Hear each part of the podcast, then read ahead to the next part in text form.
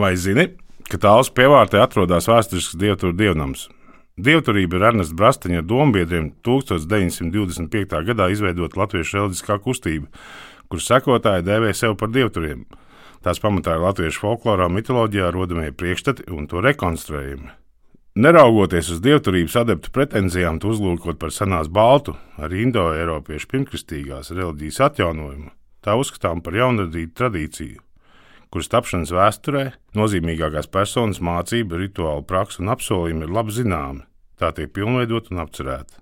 Dievturības agrīnā intelektuālā koncepcija radīta un attīstīta radoša personība galvenokārt literātu, mākslinieku, mūziķu vidē, meklējot un izstrādājot kristietībai alternatīvu reliģiju, kas kalpot par latviešu tautas un latviskās kultūras turpmāku pastāvēšanas pamatu.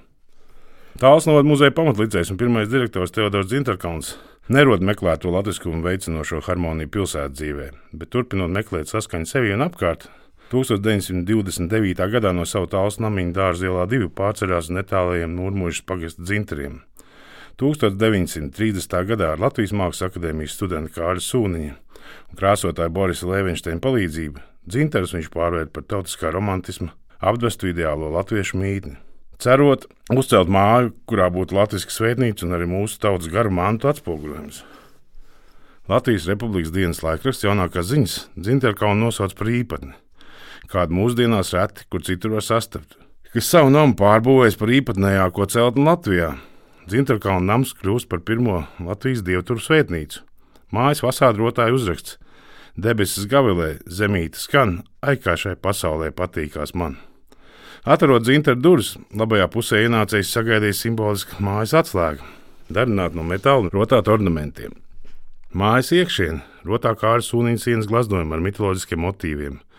Novērtēti kā mākslinieki plašākie un interesantākie glaznojumi, kas radījuši bagātu un īpatnu ietērpu mūsu senām dievotām teiksmām, un latviešu mākslu tuvina nevien latviskam veidam, bet arī latviskam saturam. Tēlnieks Arvīts Brastīņš Kārlis Sūniņš ierindo latviskāko mākslinieku vidū un nosauc par īstu latviešu baltās dvēseles tulku. Dzintaros rotātas sienas, griezti, durvju ailes, mēbeles un gaismekļi. Mājas iekšienē dalīta svētnīcā un dzīvojamās telpās. Cintarkalna mājā pulcējās Latvijas dievturu sadraudzes tāls draugs. Te viesojoties Anas Brastīņš slavē dzintaru tautisko veidolu. Tāda sanotiska iekārta kā jums, Dzinterkalna kungs, nav pat pie mums Rīgā. Dievturu draudzēji. Neīstenojās gan Dzinterkalna iecer mājā iekārtot privātu muzeju un tāls mākslinieku gleznu galeriju.